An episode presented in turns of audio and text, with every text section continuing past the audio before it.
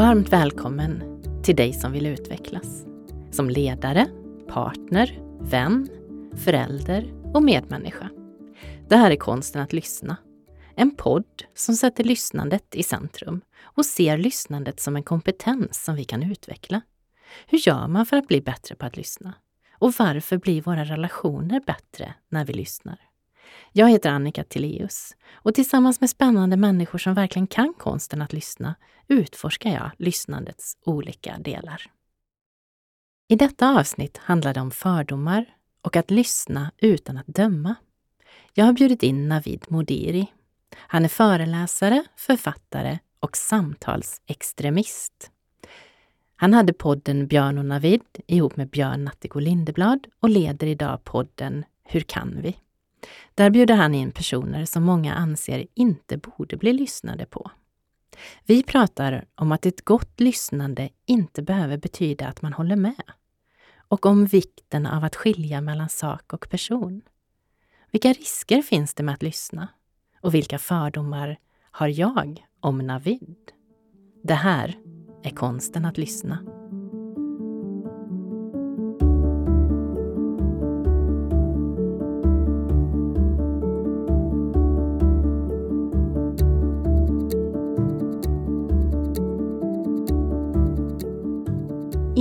Börjar så har jag en ritual Okej. som jag gärna vill ha med dig på. Okej. Jag har skrivit en poddbön Mm. och den går så här. Jag bjuder in den klokaste delen av mig till detta samtal. Låt mig vara öppen, äkta och närvarande. Låt samtalet vara varmt, utforskande och fullt av tillit. Låt oss ta fram det bästa hos varandra och välkomna det som sker. Låt detta samtal bli ett fint minne som vi skapar tillsammans, här och nu. Mm. Vad fin. Tack! Nu blir jag påmind om eh, min och Björns poddritual. Vi gjorde aldrig ett avsnitt utan att kramas innan. Och gjorde vi det så kändes det fel och då var vi tvungna att bryta och börja om. Ja, Det var, det var vår lilla ritual. Och det gjorde att samtalen påverkades av det såklart. ja. Så lite Att man får en det. inramning. Absolut. Varmt välkommen! Tack snälla. Ja, och du är Navid Modiri. Ja, Och du kan konsten att lyssna för att förstå. Jag försöker så gott jag kan och gör massor av misstag hela tiden. Och jag är nyfiken på vad det är fortfarande. Eh, både vad lyssnandet är och vad det är att förstå både sig själv och andra. Eh, Förklara hur du tänker runt det. Jag trodde jag var bra på att lyssna fram till för några år sedan. Men då var det en eh, kompis till mig som heter Kajsa Balkfors som var vd på Cirkus Cirkör. Och hon var min dörr in till just att lyssna för att förstå. Det var första gången jag hörde den frasen. Och hon introducerade mig för ett, en ocean av lyssnande. Och jag lärde känna en massa spännande människor genom henne som aktivt jobbat med lyssnande. Eh, folk från hela världen eh, som har jobbat med konflikter, med, med djupa processer, både ledarskap och organisationsutveckling, men också medborgardialog. Att eh, lära politiker att lyssna på riktigt, att lära föräldrar att lyssna på riktigt. Och jag tror att det var då jag insåg att jag inte alls visste hur jag lyssnade. det var en bra början. Ja. Vad har hänt på vägen? Att det är som att det finns flera lager av lyssnande. Och att lyssna på vad någon säger är ett lager. Och sen finns det tusen lager till. Mm. Att lyssna bakom det första laget. Och att sträva efter att lyssna så djupt så att det gör nästan ont i mig. Den strävan för mig är att lyssna för att förstå. Och det är inte en plats, det är en eh, slags sträckande. Som sträcker mig efter någonting. Eh. och samtidigt är det, jag tror det smärtsamma och jobbiga i, i det är att för att kunna sträcka mig längre behöver jag släppa taget om mig själv. Och det är fortfarande skitläskigt. Det är mer och mer läskigt för varje dag. Att inte veta. Att släppa taget. Att ha, dö lite på vägen. Och någonstans så utsätter du dig verkligen för det här. I, bland annat i din podd Hur kan vi? Mm. Där du bjuder in folk som många kanske tycker inte borde bli lyssnade på. Mm. För att det finns extrema åsikter. Och där finns du som någon som lyssnar för att försöka förstå. Mm. Vad händer med dig i det? det roliga är att jag tycker inte det är det som är det jobbiga. Jag tycker inte att det är i podden som det är det jobbiga, utan det är snarare i vardagen. Ja. I föräldraskapet till exempel. Att lyssna på min dotter på riktigt tycker jag är jätteutmanande. Inte för att hon är utmanande, utan för att jag måste släppa taget om att jag tror att jag vet vem hon är. Hon är ju mitt kött och blod. Det är klart jag vet vem hon är. Jag känner henne. Om inte jag vet vem hon är, om inte jag känner henne, vem ska då veta det? Att glömma bort att vara nyfiken på henne. Där gör jag mina flesta misstag. Alltså de närmsta. Om, om, om föräldraskapet är en app i App Store så får vi ju inte den här röda notisen som säger att det är dags för en uppgradering. Utan jag måste själv varje dag manuellt uppdatera min bild av henne. Och fortsätta vara nyfiken och fortsätta tillåta henne att vara ett mysterium för mig. Och det tycker jag är svårt. Mm. Uh, och sen tror jag att jag använder mycket av de lärdomarna i vardagen och praktiserar dem i podden. Uh, och det, det, är klart att det kan vara svårt också. Men det är inte lika svårt. Nej. Mm, för där har jag mer kontroll. det är min podd. mm. ja, men jag, jag blir nyfiken på det här du säger med att man har en så tydlig bild av någon. Så att man... Jag, jag drar parallellen till när man är förälskad i någon. Mm. När man inte har en bild och man ständigt utforskar. Yeah. Och sen när man har varit i ett förhållande längre så har man en så tydlig bild så man nästan slutar att utforska. Yeah. Och då är kanske förhållandet på väg åt fel håll. Ja, men ibland så säger vi ju att ja, men jag slutade vara förälskad för att jag... Jag slutade vara nyfiken för att jag slutade vara förälskad, men jag tror att det är tvärtom. Jag slutade vara förälskad för att jag slutade vara nyfiken. Uh, och pirret försvann uh, för att jag slutade vara nyfiken. För att jag trodde jag hade koll. Och då blir det inte lika mycket av ett äventyr. Eh, och förälskelse och på något sätt också relationer och, och kärlek är som bäst när det är ett äventyr. Mm. Annars är det bara, men då kan jag ju lika gärna bara vara med mig själv. Om jag ska veta massa saker hela tiden. Men är det inte ett äventyr att vara med sig själv? Det kan det vara. Kan du fortsätta vara nyfiken på dig själv? Jag försöker. Det, men det är väl, eh, ja det hänger väl ihop tänker jag. Ehm, det är också den där personen som jag tror att jag har koll på. Jag är en sån som... Punkt, punkt, punkt. Nej, jag är inte en sån som... Punkt, punkt, punkt. Det är ju att sluta vara nyfiken på mig själv. Ja. Um, vem har du svårast att vara nyfiken på? Bra fråga. Ehm, jag märker själv att jag har ett motstånd mot någon som har väldigt annan uppfattning än vad jag har. Eller, mm, nej. Ehm, jag har svårast för att vara nyfiken på den som har sanningen. Någon som hävdar att det finns bara ett sätt att tänka. Där, där har jag störst utmaning att vara nyfiken tror jag. Mm. Varför det? Varför just dem? Jag vet inte. Om du skulle vara nyfiken? om jag skulle vara nyfiken. um, om jag är nyfiken på den och försöker utforska den så är det nog en rädsla för att det inte finns en ömsesidig nyfikenhet. Att det är avstängt när man har bestämt sig för en åsikt. Men då, blir det ju, då har jag ju bestämt mig för den åsikten av den personen. Så att eh, jag faller lite på eget grepp här. Mm, du gör oftast det. Men det är därför det är så kul med triggers tycker jag. Ja. Triggers är skitroliga. Ja. Det är som små eh, ledtrådar till ens eget inre.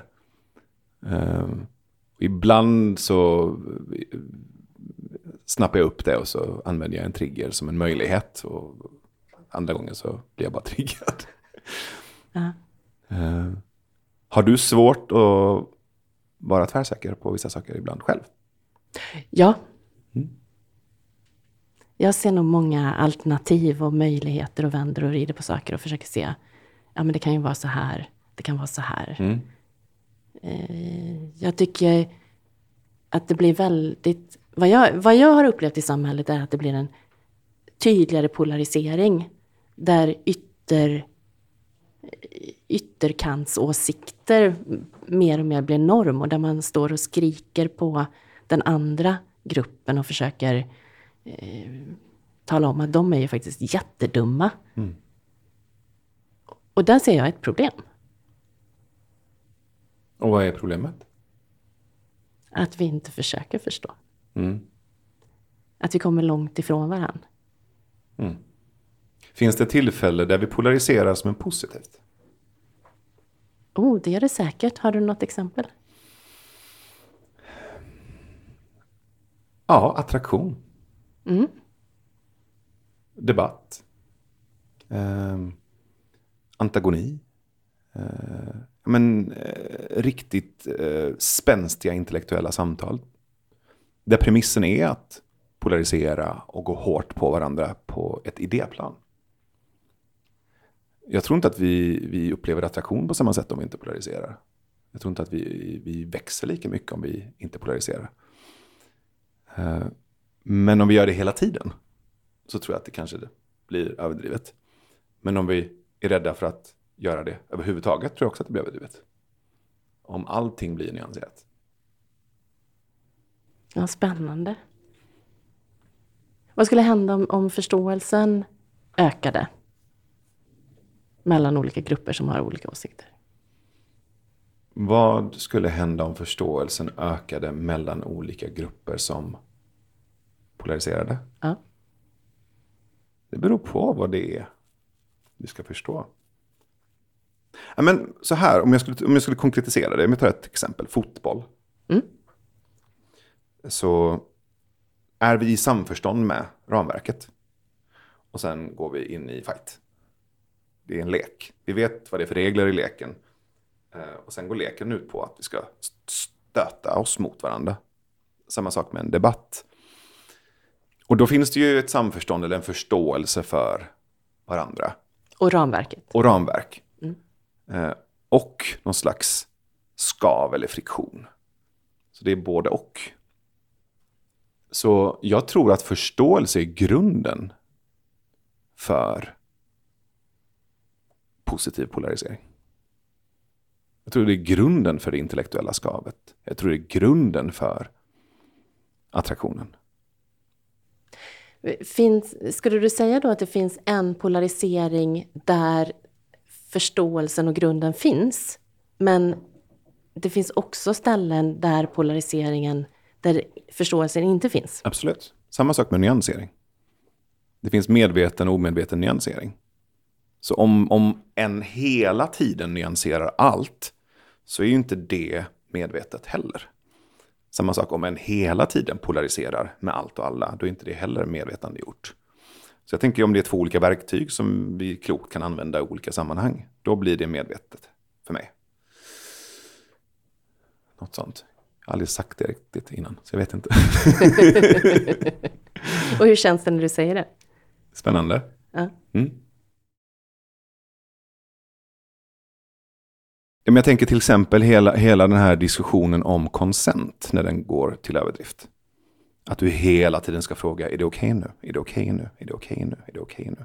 Då tycker jag att du övergör det. Då, då, då, då är det någonting som går förlorat i mysteriet eller i spänningen eller i elektriciteten, i attraktion, i intima situationer. Då, då, då är det på ett omedvetet plan. Men om du sätter en grund, en, en grundtrygghet där du känner att okej, okay, vi vet vad vi har varandra, Då kan du leka. Men om du hela tiden ska kolla av, då blir det något annat. Och då kanske det nästan blir en självutplåning i att ja, men jag visar inte riktigt mig hur jag är för att jag måste, hur vill du att jag ska vara? Exakt. Ja. ja. Och sen tror jag att jag skulle vilja lägga till ett ord. För ibland när vi pratar om polarisering på samhällsnivå idag så, så tror jag att det fattas ytterligare ett begrepp. Det är positionering. För att polarisera är per automatik inte någonting negativt. Och ofta när vi pratar om polarisering och att debatten blir skrikigare och skrikigare så pratar vi egentligen om 5% av befolkningen. Det är den som skriker. De andra 95 gör inte det. Alltså de andra 95 beter sig ganska hyfsat mot varandra. Men de som skriker, skriker högre idag än tidigare. Och då känns det som att polariseringen ökar. Men jag vill nog komma bort ifrån det här. Det känns som att polariseringen ökar och verkligen förstå vad är det som händer. Um, och har försökt fördjupa mig och, och läsa både, både undersökningar och, och, böcker om polarisering som går på djupet. Där till exempel uh, finns en politisk kommentator i USA som heter Ezra Klein som har skrivit en jättespännande bok om det, den politiska positioneringen och polariseringen i USA. Som bland annat handlar om att amerikaner i större utsträckning idag röstar mot det de ogillar än för det de vill se mer av. Och det är ett intressant fenomen. Det kan vi ju titta på. Men den handlar lika mycket om att åsikter har blivit en industri. Vilket gör att de som är åsiktsentreprenörer tjänar på att polarisera mot varandra. Så det kanske är de vi hör mer av. Det är de som skriker högre. Det finns en liknande, det finns en jämförelse att göra med nyhetsrapporteringen till exempel. Det begås ju färre och färre brott. Men det är inte den uppfattningen man får. Nej, det känns som att världen är mörkare och hemskare. Mm. Varför då? Jo, för att det är fler kanaler, fler forum, fler nyhetsoutlets som rapporterar och kanske bygger mer och mer på en rädsloalgoritm. Och det behöver inte vara så. Jag menar om du tittar på vilka algoritmer som, som gör att vi lägger märke till innehåll, till exempel på internet, så är det ju inte bara rädsla vi går igång på. Det finns två. Det finns rädsla och förundran. De är lika starka. Så att det, där finns ju också en möjlighet att välja än en gång, välja medvetet, både vad vi rapporterar men också vad vi konsumerar. Så att det där, jag försöker också vara försiktig med hur jag själv uttalar mig och jag vet att när vi började göra Hur kan vi? Så, så fanns, det, fanns det en tvärsäkerhet i mig om att det var på ett visst sätt. Men den har jag också börjat ifrågasätta ganska mycket. Och en av de här tvärsäkra uttalandena som jag gjorde i början var just att samhället blir mer och mer polariserat. Och den vill jag verkligen undersöka djupare. Jättespännande. Jag, jag fastnar också på den här förundran. Vad, mm. vad skapar förundran i dig? Vad skapar inte förundran i mig? jag är ganska lätt förundrad. Grattis. Eh, tack. För att det finns så mycket att bli förundrad över. Och ju mer jag lär mig, desto mer blir jag förundrad. Desto fler frågor jag ställer, desto fler frågor får jag.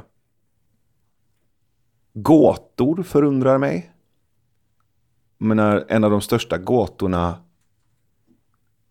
i universum är ju den om svarta hål. Jag pratade med Ulf Danielsson som är professor i fysik. Eh, hela det samtalet var ju bara sprakande av förundran. Att, att titta upp mot stjärnhimlen är i sig förundrande. Um, att titta inåt i det mänskliga himlavalvet är också otroligt förundrande. Alltså att vara någon slags eh, kosmonaut, eh, fast i resan inåt. Um, och hur resan inåt går att koppla ihop med resan utåt. Eh, bara där kan vi ju prata i flera år. Hur vi människor fungerar, var för sig och tillsammans växelverkan mellan att vara en egen individ och att vara fullständigt beroende av andra. Dansen mellan gudshålet och vetenskapen. Konst. Musik. Vad är det egentligen? Berättelsen. Som någon slags egen rytm. Och när du är i linje med den rytmen så känns det som att du dansar med hela skapelsen. Alltså, kom igen, det finns ju hur mycket som helst. Det var en bra knapp att trycka på. det, det är det definitivt, det är inte bara en knapp, det är ett ackord. Mm. Och du då?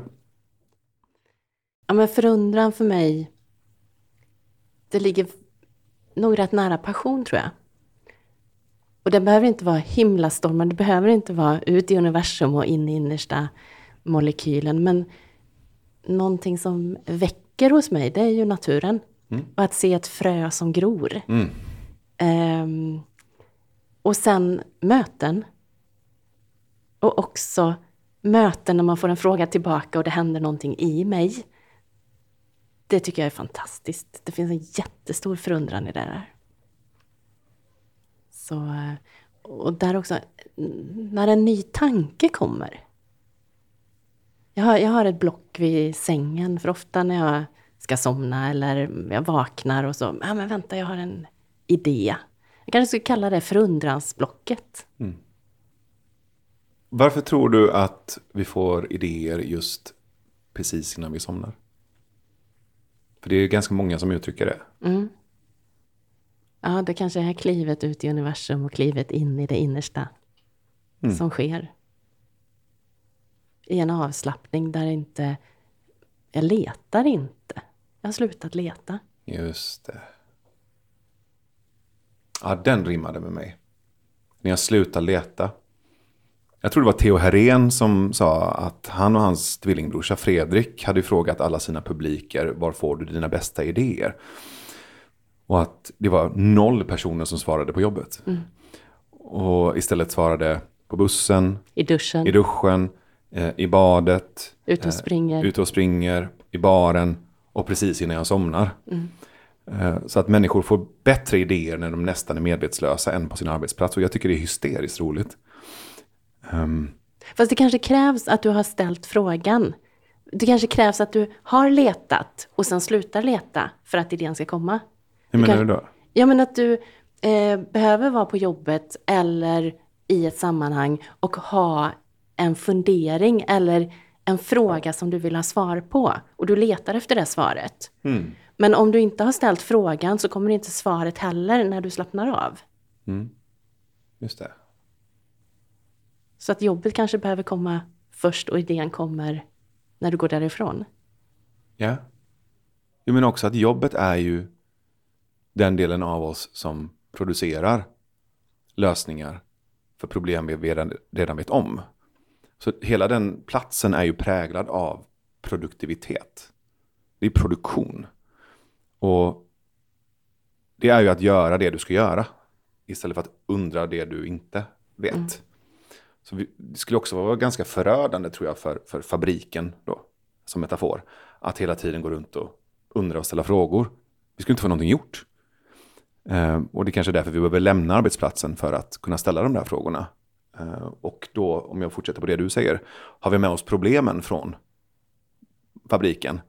Och så kan vi plantera dem någonstans. Och så växer det när vi slutar titta på de där fröna. Ja, och då kommer vi till den där frö, fröna igen. Yeah. Ja, och de behöver vila på natten och de behöver ljus och värme. Mm. De kan inte, vi kan inte snabba på dem genom att fortsätta att göda, göda, göda. Mm. Utan de behöver ha mer. Ja, yeah, exakt. Mm. För att knyta tillbaks lite till var vi började någonstans.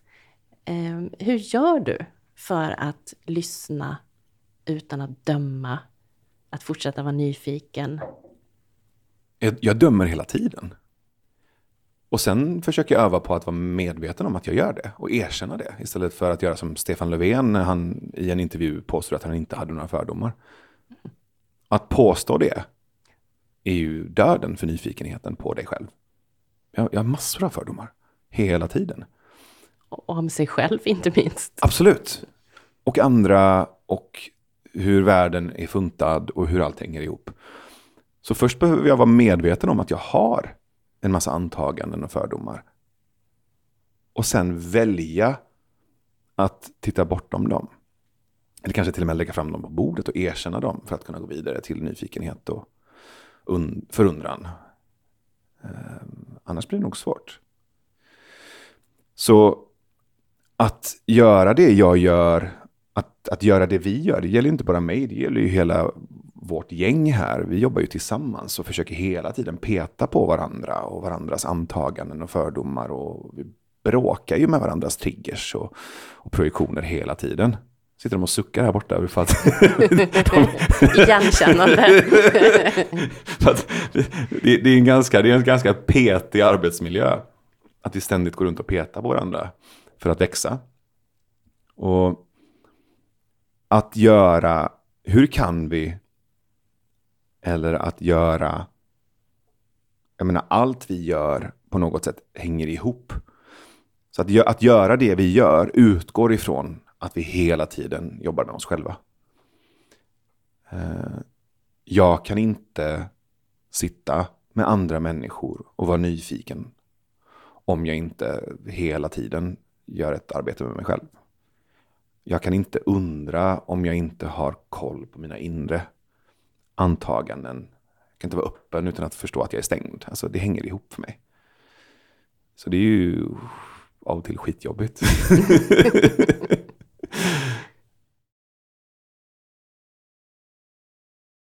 Har du några tips om hur man håller sig nyfiken? Om man inte har de här som petar på sina triggers. Men jag, jag gillar metaforer, jag gillar bilder. Och om jag vill få större muskler så går jag till gymmet. Men om jag bara går till gymmet själv så gör jag bara tio repetitioner på en övning. Om jag går till gymmet med en personlig tränare så gör jag ytterligare fem. Och det gör att musklerna växer. Och den metaforen är värdefull när det kommer till tänkande också.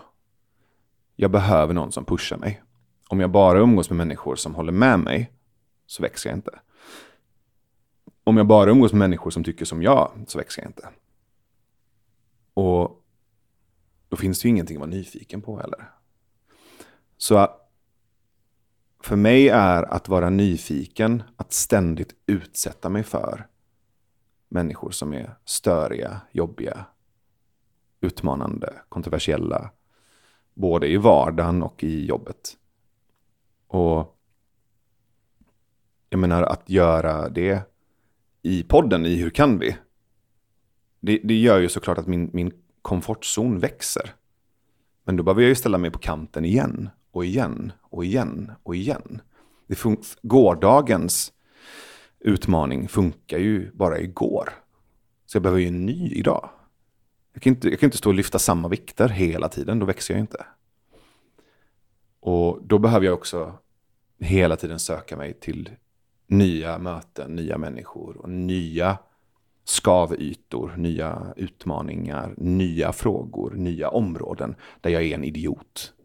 Jag behöver utsätta mig för att vara idiot gång på gång på gång. Och vara dum och känna det och visa det. Uh, är, är jag den i rummet som har bäst koll eller mest kontroll eller är smartast i rummet, då är jag ju i fel rum. Uh, och det slutar ju aldrig vara jobbigt heller. Jag menar att sitta och prata med några av Sveriges mest åsiktade, kan man säga det, opinionated. några av de smartaste, mest kontroversiella, ibland assertiva, aggressiva personerna. Det, det, det är ju såklart eh, tufft. Och när jag har gjort det så måste jag vidare till nästa område, till nästa person, till nästa samtal. Eh, för att fortsätta vara nyfiken på nya saker och nya människor. Hur gör du? Ja. Um, jag försöker nog vara här och nu. Så mycket som möjligt. Och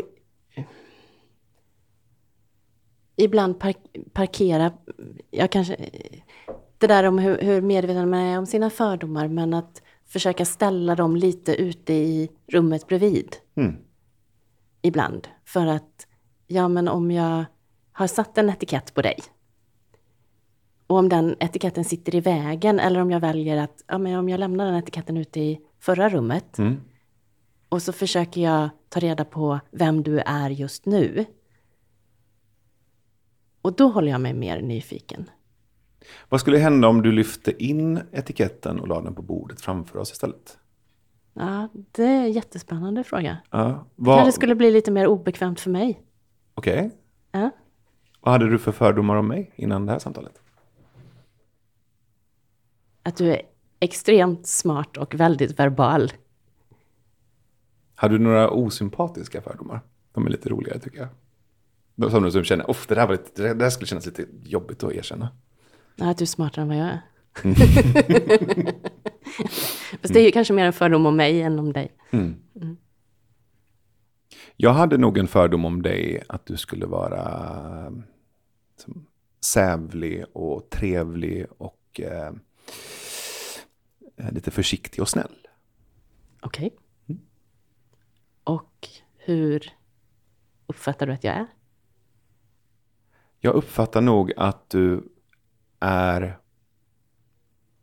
mjuk, men inte feg. Jag tycker inte du verkar så konflikträdd eller feg eller undvikande. Men kanske lite mjukare och lite mer långsam än vad jag är. Tack. Mm. Spännande spegling. Mm. Mm. Finns det några risker med att lyssna? Mm, absolut. Det är att glömma bort att jag har någonting att säga. Och där har jag tappat bort mig av och till. Att jag kanske till och med har eh, gömt mig bakom lyssnandet istället för att eh, eh, säga vad jag tycker. Och det kan också i sig vara väldigt bekvämt. Det är lite som när eh, man eh, gör om en dålig egenskap i ett CV till någonting eh, positivt. Så här, Jag är en fri själ. Ah, Okej, du är dålig på att komma i tid. mm. Så jag övar på det. Att eh, inte bara lyssna. Och inte bara ställa frågor utan också säga vad jag, vad jag tycker och tänker. För jag tycker och tänker en massa också. Så den risken finns absolut. Mm. Mm.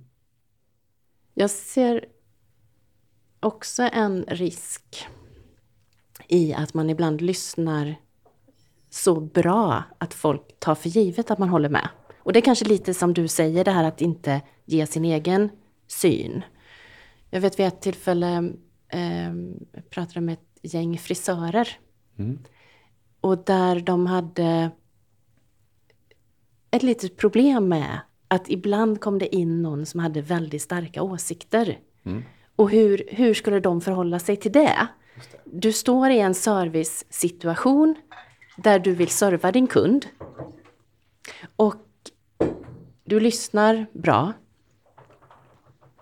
Men det finns också den här att det sitter någon annan bredvid. Och vad får både den som sitter i din stol som du klipper för uppfattning att du håller med, men vad får den som sitter bredvid? Och hur gör man för att själv behålla sig själv och kunna sätta gränser att du, jag vill inte vara otrevlig, jag vill inte ha en diskussion, men jag vill sätta en gräns här att jag vill inte följa med dig längre. Vad får du för tankar? Men det resonemanget är ju väldigt relevant för oss när vi gör podden. För vi har fått en hel del kritik för mitt eh, hummande och min tystnad. Att andra människor uppfattar det som medhåll. Och en del av mig tänker, ja, det är ditt ansvar. Um, jag har inte gett dig den tolkningen. Om du gör tolkningen att hummande och tystnad är medhåll, då är det ditt lyssnande och det är ditt ansvar. Det är en del av mig. Och den andra delen av mig tänker att det också finns ett ansvar i att sätta gränser, i att kliva fram och berätta vad jag tycker. Och sen är det en dans mellan de två. vi, gjorde ju, vi har gjort flera avsnitt där jag har lyssnat väldigt djupt och varit tyst och hummat. Där jag bekräftar, jag hör vad du säger, men inte jag håller med dig. Det andra människor har uppfattat det som att jag håller med människor med väldigt starka och kontroversiella åsikter. Och det har ju varit någonting som vi har behövt förhålla oss till. Att bli stämplade som, um, som radikala eller som högerextrema eller som misogyna eller du vet. Mitt visitkort är fullt av projiceringar där andra människor har gett mig etiketter.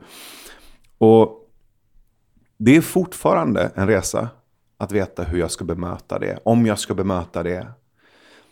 Eh, humor funkar. Att med humor spegla tillbaka så att folk förstår si, sin egen trångsynthet när de säger sådana saker om mig. Men också att vara ganska hård och, och gränssättande till de som projicerar på mig. Eh, att inte tillåta andra människor att vara deras projektionsduk. Och det kan jag göra både genom att sätta gränser men också att deklarera mina egna åsikter. Jag är långt ifrån klar. Mm. Hur påverkar det dig att höra det här? Kan du, kan du vara så enkelt för dig själv att säga men det är deras projiceringar eller tar du åt dig också? Både och. Mm. Det är inte alls enkelt. Nej. Det är till och med skitjobbigt. Och det beror också på hur jag mår. Mm. Under ett av våra största drev när vi hade med en kvinna som eh, blev stämplad som förintelseförnekare eh, så fick vi väldigt mycket kritik för att vi överhuvudtaget hade med henne och att jag inte var tydlig nog och, och satte tydliga gränser. Och eh, då mådde inte jag särskilt bra. Ehm, jag var på en plats i mitt liv där jag precis hade separerat från min fästmö som jag skulle gifta mig med. Ehm, det påverkade mig, min familj. Eh, min ena bästa kompis hade precis fått en ALS-diagnos och hade fått sitt första skov. En annan kompis hade precis blivit pappa och varit med om en traumatisk förlossning. Där hans son föddes under jätte, liksom, horribla former. Um, så jag mådde, jag var verkligen på botten under den perioden. Och det var människor som under den perioden kallade mig för, för hemska saker. De betedde sig gränslöst och inte bara projicerade utan eh, skrev saker om mig som var vidriga. Och det var bara hemskt på alla sätt och vis. Och, och där var jag inte så kaxig. Um, jag kunde inte borsta av med det. Jag kunde knappt stå upp. Så det var jobbigt och väldigt smärtsamt. Mm. Men det var också väldigt lärorikt. Att förstå vad vänskap betyder. Vilka vänner som är på riktigt. Att komma ihåg vem jag är. Och veta det. Även när det haglar. När det stormar. Kunna stå i. Jag vet vem jag är. Jag vet vad jag står för. Det spelar ingen roll hur många som står och pepprar med verbala kulsprutor på ledarsidorna i Sveriges största tidningar i tre månader. Det är ett ganska ordentligt tryck. Att stå på scen tillsammans med en, en journalist på Dagens Nyheter som påstår inför en publik på 400 personer att jag tjänar pengar på förintelsens offer. Alltså den typen av vidrigheter är inte bara att borsta av sig. Och sen att resa sig upp från det och fortsätta göra det du tror på. Mm. Nej, jag har ingen jag har ingen slutkläm, jag har inget facit. Det kommer förmodligen bli jobbigt igen. Ehm, men man lär sig också. Och någonstans så utsätter du dig för det jobbiga gång på gång. Ja, men jag har inget val, jag måste. Mm. För att det är också det viktigaste jag vet. Att, att kärleksfullt stå kvar i sanning. Vem sanning den är? Min, såklart. Absolut. Kan inte tala för någon annan. Uh, och har aldrig gjort anspråk på det. Um. Mm. Mm. Det som dyker upp hos mig när du berättar det här också, det, det är den här som man ofta pratar om, att skilja på person och beteende eller vad, ja, en åsikt, vad någon har. Mm. Vad tänker du runt det? Att skilja på sak och person är en av grundpelarna i vår podd. Och jag har hört av mig till människor som andra stämplar som kontroversiella eller hemska eller vidriga. När de har varit utsatta för drev för att på ett mänskligt plan bara kolla läget. Eh, och det tror jag vi behöver vara väldigt, väldigt eh, omsorgsfulla och försiktiga med. Lex Benny Fredriksson, Eh, och att det inte sker igen, att en människa blir utsatt för ett sånt högt tryck, att de skadar sig själva, tar livet av sig eller skadar andra. Eh, jag fråntar inte någon ansvaret. Men jag tror också att det finns ett kollektivt ansvar och en förståelse för att när det sker drev i en ihopkopplad global digitaliserad värld så är det trycket så förödande för människor på ett existentiellt, ekonomiskt, psykologiskt plan att det kan driva dem till vansinne och till otroligt liksom, oåterkalleliga handlingar. Eh, och att bara komma ihåg det, eh, tänka på det. Eh, och, och, visst, sätt ett högt tryck på idén, på samtalet, på saken. Men kom ihåg att det är en människa där bakom. Och kom ihåg också att den digitala världen gör det svårt för oss att vara empatiska. Vi beter oss på ett annat sätt i ett kommentarsfält än när vi sitter så här, du och jag. Och de flesta människor skulle aldrig våga säga de vidrigheterna som de annars gladligen skulle twittra. Mm. Jag satt med en eh, kvinna för ett tag sedan och hon berättade att hon hade jätte... Hon tyckte illa om en av sina barns kompisar. Mm, det lät Som jag. kom hem. Ja. och så resonerade vi lite grann runt det och hon var så här, jag vill inte att han kommer hem. Mm. Och sen när vi hade pratat lite grann om det här med beteende och person. Mm. Tyckte hon verkligen illa om den här åttaåringen? Eller var det hans beteende som inte var okej? Mm, just det. Och där, där hände det ju någonting hos henne att, ja men vänta, kan inte jag vara den stora i det här? Och se bortom beteendet. Och jag kan sätta gränser för vilka beteenden som är okej i mitt hem. Mm. Och då är ju den här personen välkommen hem. Just det. Och kanske ännu ett steg längre. Vad var det just det beteendet som triggade mig? Mm. Um, och det är också så på något sätt hänger det ihop för mig att de beteenden hos andra som triggar, som vi glömmer eller inte orkar sätta gränser för, kan sätta igång en massa omogna beteenden i oss själva. Att säga till i tid, liksom. Uh, och säga vad som är okej och inte okej och kanske också visa på konsekvenserna av det i tid. Innan det går till, jag vill inte att han kommer hit. Alltså det finns så många steg innan dess. Ja, verkligen. Stort tack för ett fantastiskt samtal. Ja, men tack själv. Det var jätteroligt. Jättekul. Jag skulle vilja skicka med en uppmaning till lyssnarna. Mm -hmm. Att vara nyfikna och lyssna på någon som de tycker är väldigt olika sig själva. Just det. För där händer ju någonting. Definitivt. Mm. Tack Navid. Tack snälla.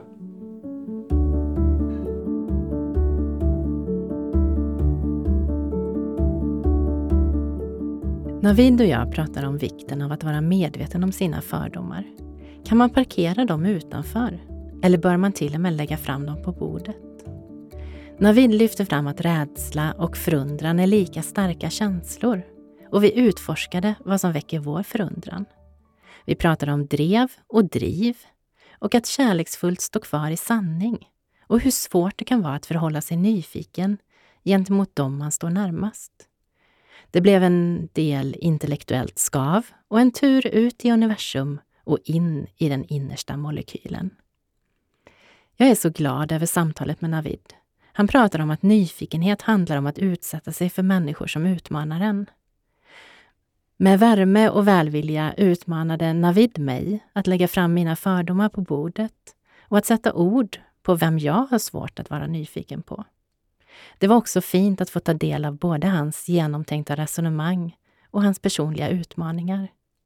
För att återknyta till poddbönen så var det ett samtal där vi tog fram det bästa i varandra. Tack för ett fint minne. Konsten att lyssna finns både som bok och podd och görs tillsammans med Bazar förlag. Alla avsnitt i säsong 1 finns i Podplay-appen och på podplay.se. Självklart helt gratis. För att alla ska kunna lyssna finns avsnitten även textade på konstenattlyssna.se. Vill du ha bonusmaterial och diskutera avsnitten så gå med i Facebookgruppen Konsten att lyssna. Om du gillar podden och vill att fler ska bli bättre på att lyssna så kan du hjälpa till genom att betygsätta podden och dela avsnitten. Tack för att du har lyssnat!